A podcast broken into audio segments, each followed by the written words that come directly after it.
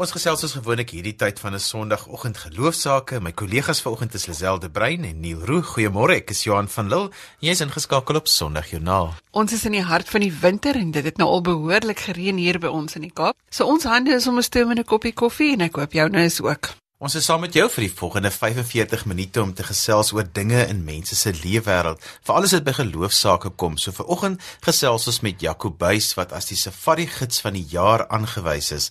Eugene De Vis is 'n maatskaplike ontwikkelaar wat gaan gesels oor sy gemeenskap en Ilse Martens van Mes kom vertel oor die waterdigte slaapsakke wat hulle van karton en plastiek maak om hawelose mense teen die reën en die koue te beskerm. Ons gesels ook met die dekaan van die fakulteit teologie in die Vrystaat, Dr. Fanie Snyman oor 'n veelkantige kerk en Gilma Stander, een van ons veldjoernaliste, het gaan besoek aflê by die Logos Hope 2 in die hawe van Kaapstad verlede week en sy kom vertel ons daarvan. Onthou RSG se lekker gesprekke is ook op Potgooi beskikbaar en dit sluit Sondagjoernaal in. Jy kan dit aflaai by RSG se webwerf by rsg.co.za.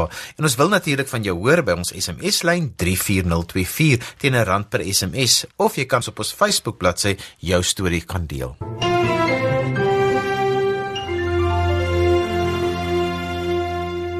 Ons leef in 'n wêreld wat veelkantig is. Nou, 'n verskeidenheid en afwisseling is van groot belang vir ons om met mekaar oor die weg te kom. En vanoggend sluit professor Fanny Snyman, die dekaan van die fakulteit teologie by die Universiteit van die Vrystaat by ons aan om hier oor te gesels. Goeiemôre Fanny. Goeiemôre Lisel en goeiemôre aan die luisteraars. Fanny, uh, kan of moet 'n kerk ook veelkantig wees soos vir die samelewing is?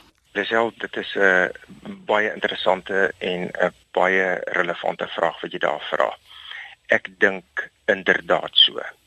Net soos wat die kerk deel is van die samelewing en die samelewing 'n veelkantigheid vertoon wat ons rondom ons iedere dag ervaar, so moet die kerk ook 'n veel veelkantigheid vertoon. Die lastigheid is dit gebeur nie altyd nie. Die kerk se werk is tog om God ter sprake te bring in die wêreld, nê? Nee? Dit is die primêre taak van die kerk.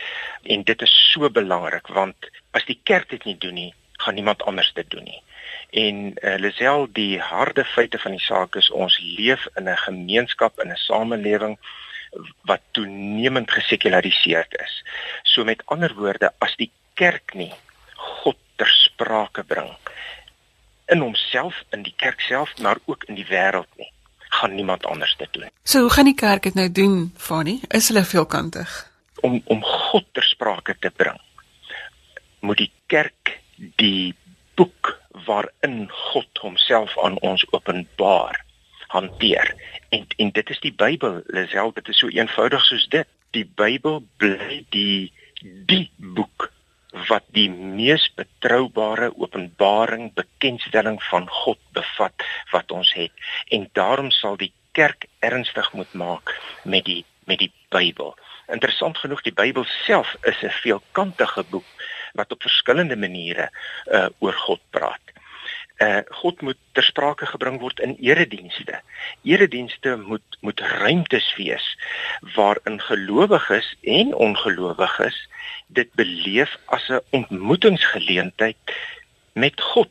Maar Lisel, dan moet die kerk ook 'n veelkantigheid vertoon ten opsigte van haar gerigtheid op die wêreld. Die kerk is nie 'n plek waar gelowiges met alle respek gesê so fokus op God dat daar nie plek is vir 'n gerigtheid op die wêreld nie. En met 'n gerigtheid op die wêreld bedoel ek die kerk sal op 'n konkrete manier hulp moet verleen aan brose, kwesbare mense. Ons is nou in die middel van 'n winter.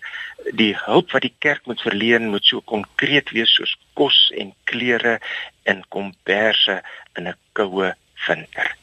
Ons gaan 'n bietjie hieroor gesels van die mense wat dit wel doen. Ek wil regtig fokus op die spirituele amper nes. Kom ons sê met met ander woorde die kerk moet ook akkommodeer die feit dat mense spirituele wesens is. Absoluut so. Absoluut so. En kom ek sê daar is in, interessant genoeg binne die kerk maar ook buite die kerk is daar in die afgelope 15 20 jaar 'n nuwe waardering vir die mens ook as spirituele wese. Ons is nie net 'n materiële masjien wat 'n uh, goedere verbruik nie. Daar is 'n nuwe aksent en 'n nuwe waardering vir die mens as spirituele wese. Uh, daar is al hoe meer 'n gewaarwording ook by mense wat wat wat nie noodwendig lidmate van die kerk is nie dat daar iets iemand groter as ek is en met wie ek graag in 'n verhouding sou wou tree. En dit is waarvoor die kerk ook voorsiening moet maak. En ek meen die erediens is by uitnemendheid die ruimte waarin ons juist kan laat gebeur. Ons het nou die dag 'n gesprek gehad waar ons gesê het ons sit in die kerk gesit, maar die die woord Jesus of die woord God is eintlik nie een keer genoem nie. Hulle het so gefokus op die buitekant, ja, dat die binnekant nie uh, aandag gekry het nie. Dit is presies wat gebeur sonder dat die kerk dit noodwendig wil of sonder dat die kerk baie keer selfs bewus is daarvan. Vertoon verskillende kerke wat ek wil noem eensydighede juis in 'n tyd waar ons veelkantig moet wees. 'n Kerk kan so opgaan in die gemeenskap dat soos wat jy nou tereg sê, die woorde God, Jesus, Bybel, gebed haas nie funksioneer nie. Maar die teendeel is ook waar. Daar kan so 'n gerigtheid op God wees dat die kerk as dit ware wêreldvreemd word. Dat dit wat hier in die wêreld gebeur, die nood, die honger, die swaar kry, die bekommernis, die onsekerheid waarin mense leef, die kerk net nie aanspreek nie en dit mag ook nie gebeur nie. En laasens moet ek dan nou sê dat ons amper geloofwaardige getuies moet wees, nee, dit voel vir my so asof gelowiges hulle geloofwaardigheid verloor het. Ja, dit is uh, dit is ek dink een van die groot uitdagings waarvoor die kerk in nou en in die volgende paar jaar staan. Ons moet regtig geloofwaardige getuies wees. Nou dink aan 'n hofsaak, 'n getuie in 'n hofsaak. 'n Getuie in 'n hofsaak is 'n geloofwaardige getuie as die getuie sy getuienis aanbied op 'n geloofwaardige manier. Jy moet dit kan glo. Dit moet jou kan oortuig. En dit gebeur in die kerk se geval met die woorde wat ons sê en die dade wat ons doen. Op so 'n manier word ons 'n geloofwaardige getuie in die wêreld. Van die nuute laaste saak wat ek wil aanraak is verdraagsaamheid. Met ander woorde, daar is nou hierdie veelkantigheid in die wêreld, maar baie gelowiges is nie bereid om te deel met ander mense nie. Hulle wil net hulle eie maniertjie gedoen hê en klaar. Ja, ja, nee, ons sal ons sal daar nog belangrike tree moet gee. Uh ons sal leer om uh verdraagsaamheid te moet beoefen in terme van godsdienstige tradisies binne die Christendom. Maar dieselfde die feit van die saak is ook dat ons in die afgelope tyd spesifiek in Suid-Afrika ook gekonfronteer is met eh uh, godsdienstige tradisies wat buite die Christendom staan. En daar sal ons ook moet leer hoe om in 'n verhouding met mense te tree wat op godsdienstige gebied selfs drasties van ons verskil.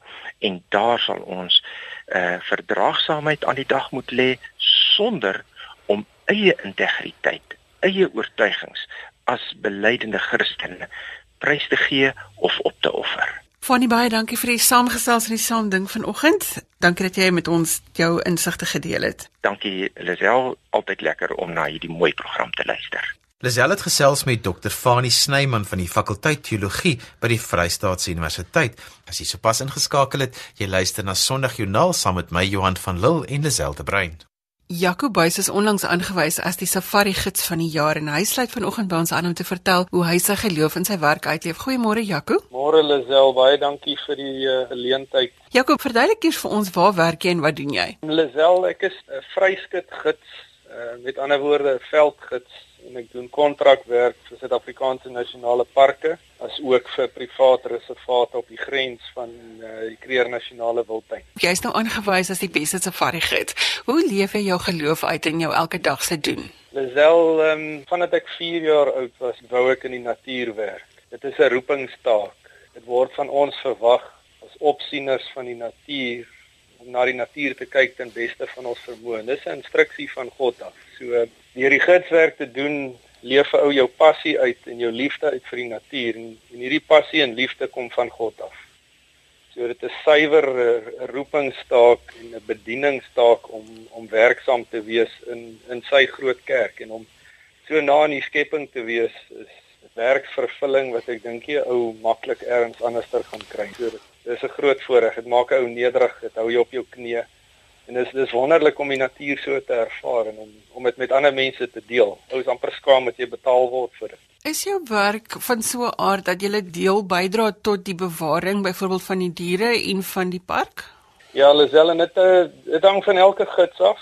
En, en elke gids wat besluit om hierdie beroep te volg, spandeer effektief die meeste tyd met gaste en ons kan ambassadeurs wees. Eerstens van ons geloof, ehm um, van die skepping om mense weer nader aan die skepping te bring. En dan het ons ook die geleentheid omdat ons meeste van die tyd met gaste te spandeer om om bewusmaking te gebruik om om gaste te kry om belang te stel en, en om om ons help om die natuur te bewaar. Wat die laaste paar maande gedoen het is dat hierdie roepingstaak groter geword en dat ou probeer teruggee aan die natuur en teruggee aan die skepping en en 'n klein deeltjie doen en enige klein deeltjie help om om te help om te bewaar. So baie betrokke met die ereveldwagters en ondersteun hulle sover as wat 'n ou kan. Die Kruger Nasionale Wildtuin en Afrika en die hele skepping is gedurig onder druk van die mens. Diere vernietig, plante vernietig en so voort. So Ja, kom terug te kom na jou persoon en hoe jy die Here in die natuur ervaar. Vir ons wat nou hier in 'n kantoor sit, is in vier mure wat nie elke dag die die natuur ervaar nie. Hoe sien jy die Here se hand in jou dag? Wat jy sien in die natuur en in die skepping is hoe perfek dit is en dat ons almal dit nodig het. Dis 'n baie goeie vraag wat jy gevra het, Lisel, dat jy die natuur nodig om weer terug te kom na die basiese toe. Ons raak so vasgevang in 'n kantoor met die gejaagdheid van die lewe en 'n ou verloor fokuspunt op jou geloof en as 'n ou weer teruggaan na die natuur toe omdat dit eenvoudig en skoon en perfek is en soos God die skepping perfek gemaak het maak dit ou weer nederig en dit gee vir 'n ou perspektief en ek dink dis hoekom mense wildtuin toe gaan byvoorbeeld of na 'n natuurreservaat of om te gaan stap in die berg. Dis harde werk. Is nie maklik om teen 'n berg op te stap of vroeg in jou voertuig te spring en 'n bietjie leeu's en luiperd te gaan soek nie, maar dit is die bonus. Die hoofdoel is om 'n mens se battery vir die lewe weer te laai. En al werk ek in die natuur, is dit wat ou elke keer ervaar as jy weer teruggaan in die skepping en dis al as ek vinnig het ietsie kan sê as 'n ou byvoorbeeld stap op hierdie wildspaadjies wat eeue al deur diere gebruik word en die mis van die diere vorm half 'n spons en 'n kussing onder ou se voet soos vir die klippe en die sand oor die jare fyn getrap is. Is dit ja vir my persoonlik amper die naaste wat 'n ou aan die skepping kan kom en dan vir my persoonlik die naaste wat 'n ou aan God kom. Word 'n lewendige verhouding met 'n ou se skepper en dit is ja, is 'n ongelooflike ervaring. Ja, ko ek en Johan en Niels baie jaloers op jou wat buite in die vel kan werk. Baie dankie dat jy vanoggend met jou lewe wêreld 'n bietjie met ons gedeel het. Groot plesier en baie dankie vir die geleentheid. Lisel het gesels met Jacobuys daarbo in die Wildtuin. Ons gesels geloofsaake tot en met die 8 uur nuus vanoggend. Die winter het homself behoorlik aangemeld en dit word al hoe moeiliker om uit die bed uit op te staan in die oggend, maar in die strate is daar hawelose mense wat heeltyd aan die koue uitgelewer is. Hier by my in die ateljee is Ilse Martens en sy is die takbestuurder van Messier in die Weskaap. Goeiemôre Ilse. Haai, goeiemôre. Ilse, kom ons begin met die slaapsakke wat jy voorsien aan die haweloses, wat hulle beskerm teen die reën. Verduidelik vir ons hoe werk dit? Ja, jong, weet jy, ehm um, daardie uh, slaapsakkies van plastiek en koerantpapier is regtig waar ehm um, ek wil nou sê noodmaatreëls want ehm um, dit is nie dit is nie 'n lekker slaapsak om in te slaap nie want hy's so geïnsuleer, jy sweet vir jouself dat jy lyk soos 'n pruim, maar vir die nat van die Kaap is dit baie jy weet dit help. Dit is regtig waar en ek dink dit dit gee ook iets prakties vir ehm um, gemeentelede of jeug groepe om te kan doen om vir ons daarmee te help. Verduidelik vir ons prakties hoe werk dit vir iemand wat dit nou nog nie gesien het nie. Dit is soos om 'n kussing oor te trek. So jy het twee plastiek slopies wat vir ons spesiaal gemaak word.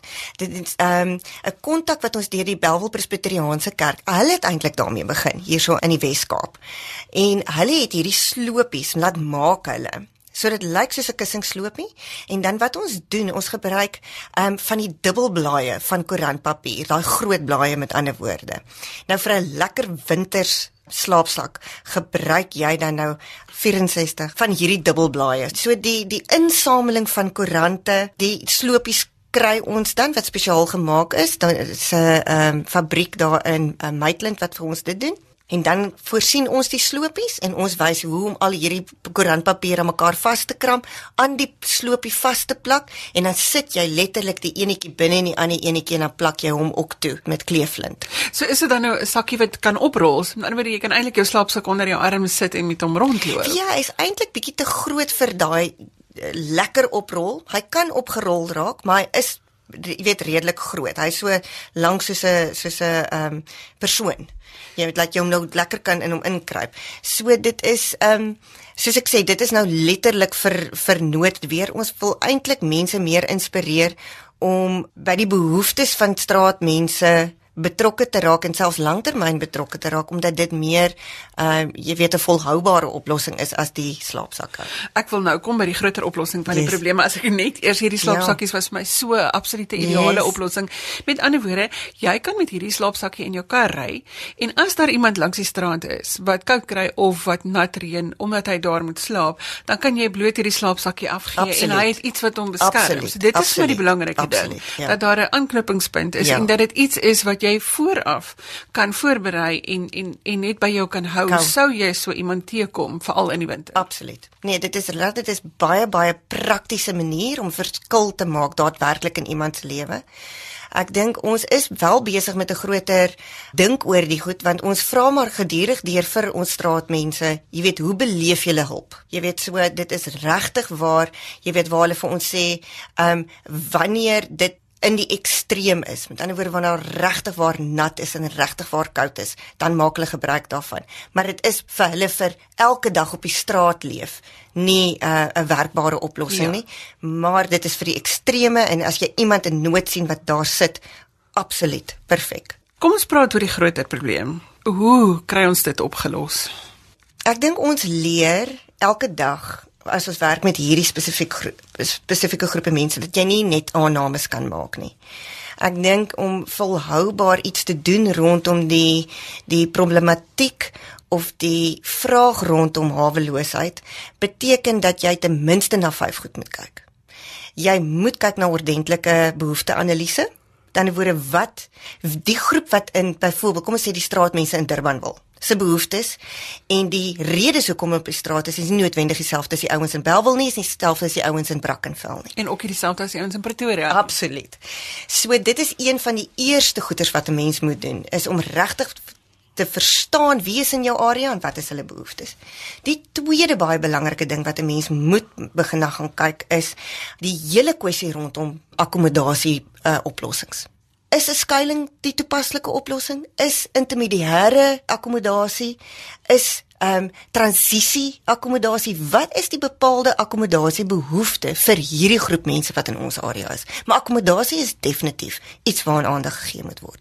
Jy weet, ehm um, ons het net een skuilings hierso in die die Belwel area wat 'n bedspasie het maar van ehm um, uh, 75 en net die getal straatmense in die Belwel Parow area is 411 wat net in voortrekker weg is. Dan praat ek nog nie van dan ons nog nie Durban wil se manne bygetel of so nie. Jy weet wat in die wat in die uh, uh woonbuurt is bly nie. So selfs al wil almal vanaand afkom, skuilings toe, is daar nie genoeg plek nie. In die noordelike voorstede het ons drie skuilings. Dis die enetjie in Kraaifontein, enetjie in Belwel en dan enetjie in Elsies rivier. En daai uh bedspasie kom is maar 250. So die probleem is, ons kan nie die probleem van werkloosheid en op die straat wees oplos nie, maar ons kan wel die probleem van voorsiening vir hierdie mense miskien help oplos. Dis absoluut. So die derde een wat jy nou aangeraak, ons moet dan kyk ook na werksvoorsiening en werkskepping en werksrehabilitasie. Want baie van hierdie oues nog nie werksgereed nie. Daar moet nog eers 'n paar dingetjies geleer word. Baie baie belangrike punt uh, 4 en 5 is 4 is jy moet hierdie ouens deel maak So jy moet by hulle hoor hoe werk die beste om met julle te werk. So daai inslag van wat werk, wat werk nie, so jy moet by, jy moet hulle deel maak van die oplossing en die vierde en dit is vir my die belangrikste gedeelte is daai geïntegreerde manier van werk. Met ander woorde staat kerk en besigheid of staat gemeenskap in Hebreë en besigheid moet saamwerk na dieselfde doel toe en dit is hoekom die hoop sentrum strategie vir ons so geweldig belangrik is hier in Durban wil Belwel en Brackenfell waar ons nou besig is om hierdie sentrums van hoop wat nie net 'n gebou insluit nie dit sluit ook hoe werk jy met almal saam maar in 'n manier wat die uitkoms groter is en die impak groter is En dan begin 'n mens met goeder soos ehm um, gedeelde oplossings waar die besighede vir ons sê maar goed, ons het hierdie aantal tipe ouens wat ons nodig het, kan julle vir hulle deur 'n proses vat en waar jy klomp ouens intrek om dienste te lewer sodat die ou op die einde van die dag in 'n werk geplaas raak. Ilse, 'n kort boodskap vir gelowiges om te sê dit kan jou bydra wees. So kan jy help om die probleme op te los. Kyk, ek glo natuurlik dat Christus het sy kerk toe gerus met alles. Ehm um, elke liewe gawe, net soos wat ons in die skrif kry, die ouens wat apostelskap het, die ouens wat gasvry is, die ouens al daai gawes het uh Christus vir sy kerk gegee. En daal daai gawes as jy die behoeftes van 'n vrou vasgevangene prostitusie of 'n straatpersoon wat deur hulle proses van heling moet kom, spreek daai gawes in ouens wat gasvry is, ergens met hierdie ouens leer hoe lyk dit hoe om anders te leef. En dan jy die ouens van van gasvryheid nodig om op uitreike te kom en om ouens in te nooi om te kom sê kom saam met ons na ons kerk toe om iets anders te, te beleef van waar ehm um, Christus se mense deel raak van jou heling. So ons het daai tipe van ouens nodig. Ons het ouens nodig wat Jy weet wat vir jou sê, jong, moenie vir my moet laat mense praat nie, maar ek kan dien. Ons het byvoorbeeld kerkgroepe nodig wat sê, weet jy op hierdie op hierdie snaakse dae wat ons almal besig is met vakansie, kan ons inkom en ons kan vir die ouens kom, jy weet, 'n 'n middagete gee. Want op Kersdag, op 'n uh, Hemelvaartdag, op al daai vakansiedae wat almal toemaak en net by die huis ontspan, is dit juist die perfekte geleentheid om dan by daai ouens te te kom en en met hulle in gesprek te tree. So die belangrikheid is om bewus te wees van die probleem, maar om deel te word van die oplossing. Nie net te gee nie, maar om te weet daar is 'n groter ding agter die gee en agter die hulp en daar moet 'n strategie wees om die probleem op te los en nie net die simptome te behandel nie. Absoluut. Nee, vat jou om vas. Ilse baie dankie dat jy ver oggend saam met ons gesels het. Nee, dit was lekker man. En so gesels Ilse Martens van Mes. As jy sopas ingeskakel het, sê ons goeiemôre. Jy luister na Sondagjoernaal saam met Johan van Lille en Lazelde Brein. Gemaak gerus 'n draai op RSG se webblad by rsg.co.za vir inligting oor vandag se gaste en onderwerpe en soos gewoonlik kan jy dieselfde inligting ook op ons sosiale media kry.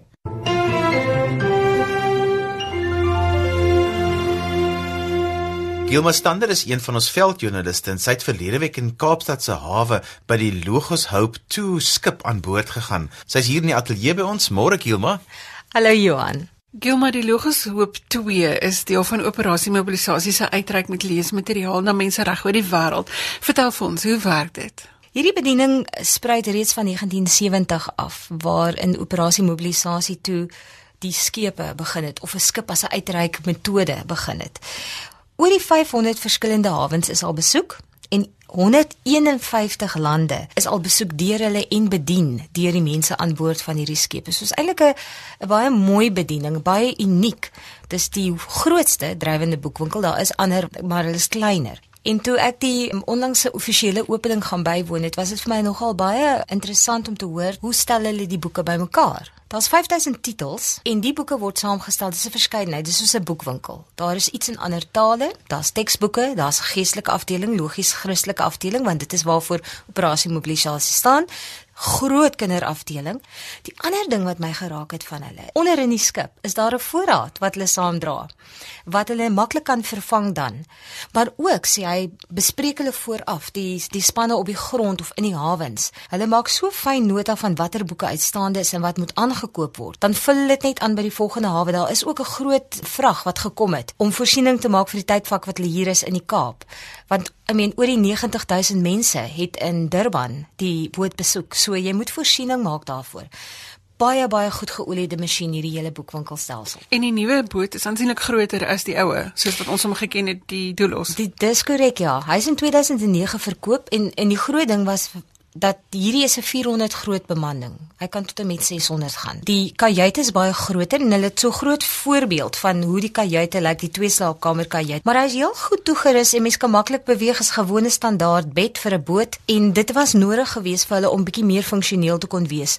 Dit is natuurlik een van hierdie motorbote waarin hulle motors vervoer wat te omskep is om hierdie skip te kan vlotbaar maak soos wat hy nou is en dit het 5 jaar geneem om hom te verander tot in 'n boot of in die skip wat hy nou is. Wat nou eintlik 'n boekwinkel is. Ja, dis lieflik. Wat vir my so mooi is is hy het sulke houtvloere, soos wat die karre natuurlik in die ferry ingery het. Het hulle die vloere behou en net hulle hom nou net verander na boontoe en ondertoe en die wye deure ook wat natuurlik baie handig is want jy gaan aan die een kant na die boekwinkel toe, dan loop jy so uit terwyl jy betaal en dan kry jy die dubbeldeure wat op 'n pragtige koffiekroegie uitgaan wat jy kan sit en dan kyk jy so uit op Kaapstad se hawe. So mense besoek die boot net wanneer hy in die hawe is. Vir die res wanneer hy nou vaar, is dit net die bemanning wat aan boord is. Dis korrek, ja. Gilma, jy het ook met die direkteur van die skip gesels, na wie ons nou gaan luister. Ja, dis Seelan Governor en sy vrou Karlien, hulle was saam daar met die opening gewees en wat dit so interessant maak is is die boot het vir 30 dae in droë dok gelê. Dit is 'n vereiste een keer 'n jaar in Durban. En hy is van Durban af. So hy kon sy familie besoek wat hy jare laas gesien het en nou is hulle in die Kaap en Karlien is van die Kaap. So hulle het nou haar familie wat lê kom besoek en dis die eerste keer wat hierdie skip in die Kaapse hawe kom lê. So dit was 'n luisterlike geleentheid met die opening. Very, very excited to be in uh, Cape Town with this ship. Of course, our last stop in South Africa, but uh, very significant indeed. So, lots of excitement on board to be in Cape Town for the next three weeks. Because you have people from so many different backgrounds, denominations, uh, all with a uh, different view of life. Uh, uh, so it's uh, not really uncommon than what you would find at a Bible school or university or at home, really, in a church. Uh, except uh, we're all confined to a much smaller place. We live and work uh, in 130 meters steel. so it is challenging. But my, my tremendous encouragement has always been is the deep desire of every crew member to want to learn and grow. And there's a willingness uh, to want to get better at what they do. And that helps me tremendously in my job. Space is one of the biggest challenges. Uh, people uh, live in confined spaces. They have cabins where there's two or three people to a cabin, uh, which is already very small. So uh, personal space sometimes is an issue. Of course, you can't have a lot of stuff that you bring in and the luxuries that you normally have living on shore. But the other opportunity we have is to say sorry regularly and to grow and learn that things are not necessarily wrong or right, but just different ways done differently in different parts of the world. For me personally, I, I get seasick a lot. When we sail and it, there's a rough voyage, then I'm not doing so well. But my kids, it's amazing. They, they sail really well. For them, it's home and familiar, and so they feel very comfortable. I think, you know, the one thing that I appreciate for my kids is the worldview they grow up with being on board that uh, they're not confined to a single worldview. Uh, they have the opportunity to learn and grow and to interact with people that they would normally not interact with. So this develops their worldview and also gets them to see the needs of the world around them as we sail around. I think uh, uh, one of the great challenges is, of course, the whole area of worldview. We all look through life through the worldview we're given and uh, developed through culture, etc. And when that conflicts with someone that is very opposed to the way they see things, that can be a little bit challenging. Uh, my role, I would say, mainly is to listen. Uh, I do a lot of listening to people. Very rarely do I uh, prescribe what should be done because I think that doesn't necessarily help someone. But I ask questions as to why they would think certain things and how did they come to certain conclusions, which hopefully leads them to the realization that maybe they've drawn the wrong conclusion. I think for me, something I'm learning and encouraging the, the younger girls that I'm mentoring on board is to be vulnerable and to be willing to depend on others in your journey of faith. Not to put on a mask and pretend, you know, I've got it all together and I know what I'm doing. And sometimes we're we're struggle in our faith walk and we we're not growing like we know we should be. And I think this is an ideal opportunity here on board. We're a community of believers. And to say, I need your help, I need your prayer. I'm maybe, you know, not doing so well at the moment, and just have that realness. Mm. And um, I've, I've seen that in myself as well, that that's something God is challenging me with often, not just to pretend, um, to be real with him firstly, but also when the opportunity comes and it's the right person to be real with other people. Yeah, and that's become very important for me. I think there's a unique opportunity now more than ever. I think it's a very critical time we're living in. Uh, and I think that the answer lies with God's people. The answer lies with the church. It is this time or not that they choose that they can choose to stand up with the voice of truth and reason. That is the only way that this country is going to change. Gilmont, tot wanneer is hierdie skip nou nog in die hawe dat mense hom kan besoek? Ja, dis 'n groot aantreklikheid en hy is nog tot die 12de Julie hier, maar die groot opgewondenheid is vandag en die 10de Julie. Kan kinders gaan want hulle het 'n groot produksie van The Lion, the Witch and the Wardrobe van C.S. Lewis wat baie baie gewild is en die kaartjies gaan vinnig daarvoor. Dankie Gilma vir jou kuier vanoggend. Eerlik geweest, dankie totsiens.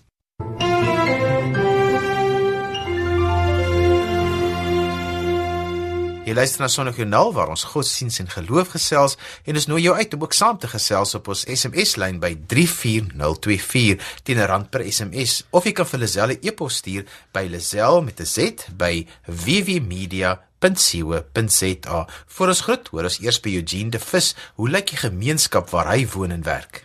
Eugene de Vis is 'n maatskaplike ontwikkelaar en hy sluit vanoggend by ons aan om te gesels oor die maatskaplike nood in die gemeenskap. Goeiemôre Eugene. Goeiemôre Lisel. Eugene, vertel ek eers vir ons wat is 'n maatskaplike ontwikkelaar? Maatskaplike ontwikkelaar is iemand met 'n spesiale vaardigheid om te werk in 'n gemeenskap om die mense te bemagtig sodat hulle hulle self kan vind en um, verlig van die omstandighede waar hulle hulle self invind. Het jy in die gemeenskap groot geword waar jy nou werk? Ek het eintlik in die Karoo groot geraak, maar in 1999 het ek toe verhuis na die Kaap toe waar ek nou woon.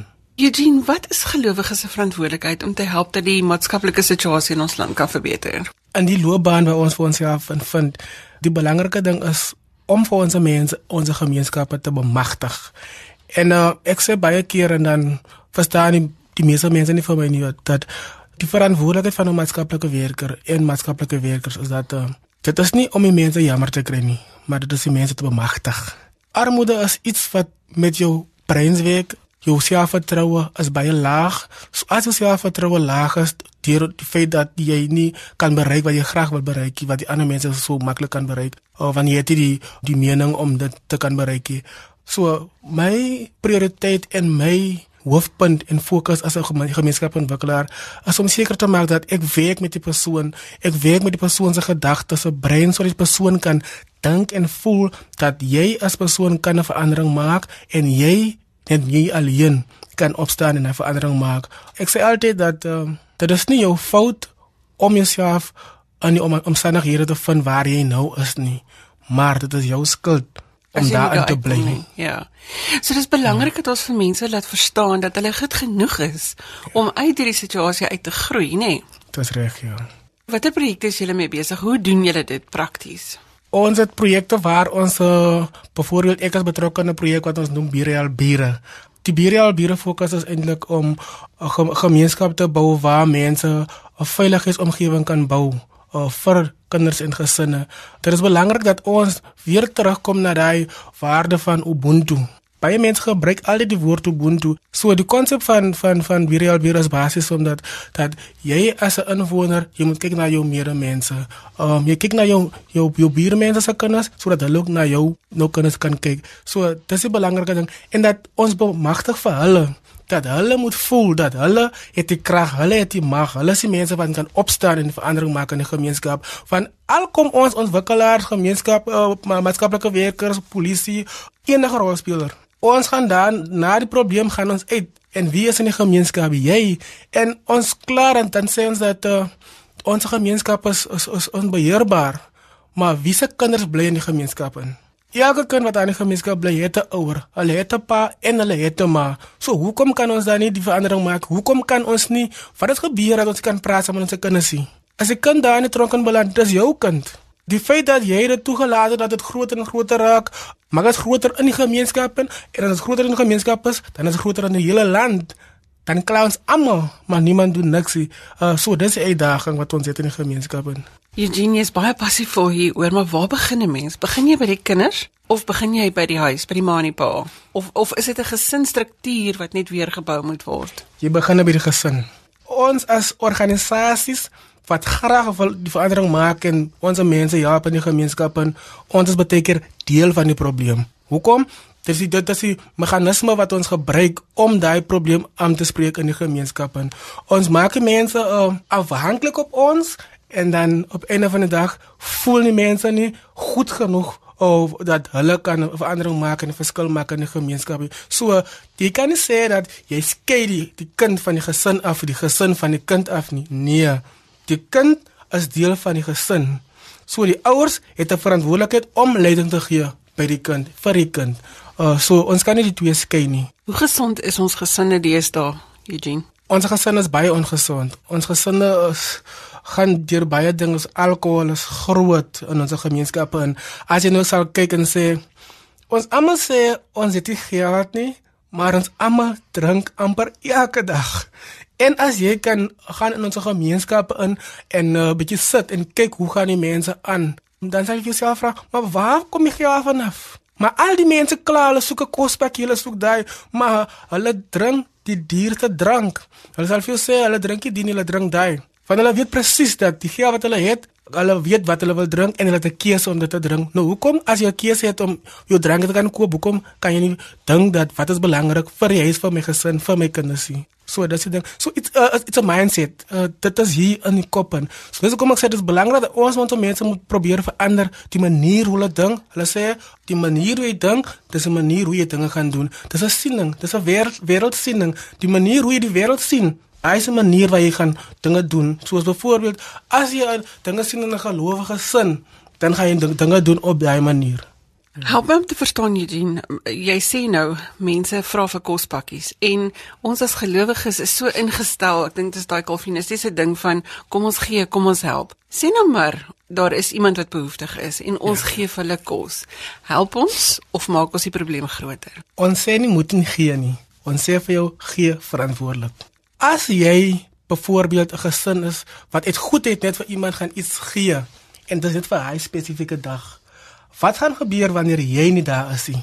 Ek sal dan sê, gee iemand, maar jy moet 'n plan hê vir 'n persoon. Byvoorbeeld as ek 'n maatskaplike werker is of ek is 'n ontwikkelaar. Ek sal um, vir jou 'n pakkie gee en dan sê, "Alright, wat is nou, wat is die leemte hierso in jou in die gesin?" As die probleem is ons geleer die nie het ons drankprobleme, alkoholprobleme, drugsprobleme, dan moet ons kyk na allei goedjies daar om dit aan te spreek. Dan loop ons saam met jou die padjie om seker te maak dat as jy nie weet jy dan kan ons vir jou probeer om te help om vir jou te bemagtig om 'n weet te kry sodat jy die verskil kan maak, hy sykel kan breek in die gesin in. So dit is basies dit soos dis hoekom ons ja, dit een van ons projekte by dis is ook 'n um, work for living uh wat ek doen, ek doen dit by die skole en in, in ons kan, in kantoor en gemeenskap ook waar ons vir die mense vat vanaf die punt dat uh jy is algemene persoon, jy het nie 'n CV nie, jy weet nie wat 'n onderhoud is nie, uh, jy weet nie hoe om 'n werk te soek nie. Um jy het jou ID kopies, jy het jou ID kopies. So my verantwoordelikheid is om seker te maak dat eerstens alle dokumentasie moet in plek wees. Jy het jou ID, maak kopies, sertifiseer dit sertifikaat het jy kopie en sertifiseer dit dan het jy dit in 'n leer en dan wys ons vir jou om wat is die maniere hoe jy uit kan stap en wie kan soek? Watter plekke gaan jy gaan jy die foon gebruik gaan jy internet gebruik? As jy kan gaan jy gaan door to door klop die deure en wie kan soek um, na daai leer ons vir jou hoe jy lyk as jy werk kan soek. Um die beeld wat die mense sien wanneer jy instap in 'n werk kan soek, dis die belangrike ding. So, daar is die klein goedjies, die basiese goedjies wat ons mense leer dat hulle moet seker maak dat jy as 'n as persoon, jy is 'n brand en dit is jou verantwoordelikheid om daai brand te bou en daarmee aan te gaan. So die belangrike ding wat ons vir gelowiges sê, is wanneer jy kos gee, sorg dat jy iets daarmee saamgee. 'n geleentheid vir opleiding of 'n geleentheid om 'n CV op te stel of 'n geleentheid om net hierdie ding verder te vat dat dit nie net 'n pakkie kos is en by die kos bly nie. Eugene, baie dankie dat jy vanoggend ons gekuier het. Baie dankie. Dit is 'n plesier. En daarmee het dit tyd geword om totsiens te sê. Volgende week gesels ons oor die NG Kerk wat weer toegelaat is tot die Wêreldraad van Kerke en ons gesels met Dr Mary Ann Plaatjies van Huffel oor die Belhaar belydenis wat in Amerika as belydenis opgeneem is. Maar vereers groet ek tot later vandag wanneer ek weer agter die mikrofoon inskuif vir ons in die onderwys. Vir my Johan van Lille, totsiens. So het ons nou aan die einde gekom van ons program. Jy is welkom om vir my 'n e e-pos te stuur met kommentaar of as jy 'n geloostorie het om ons te vertel. My e-pos is lizel@wwmedia.co.za. Of jy kan vir ons 'n boodskap stuur deur die webwerf by rsg.co.za en hulle sal dit vir ons aanstuur. Ek groet tot volgende Sondag ook namens produksieregisseur Neil Roo. Tot volgende week. Totsiens.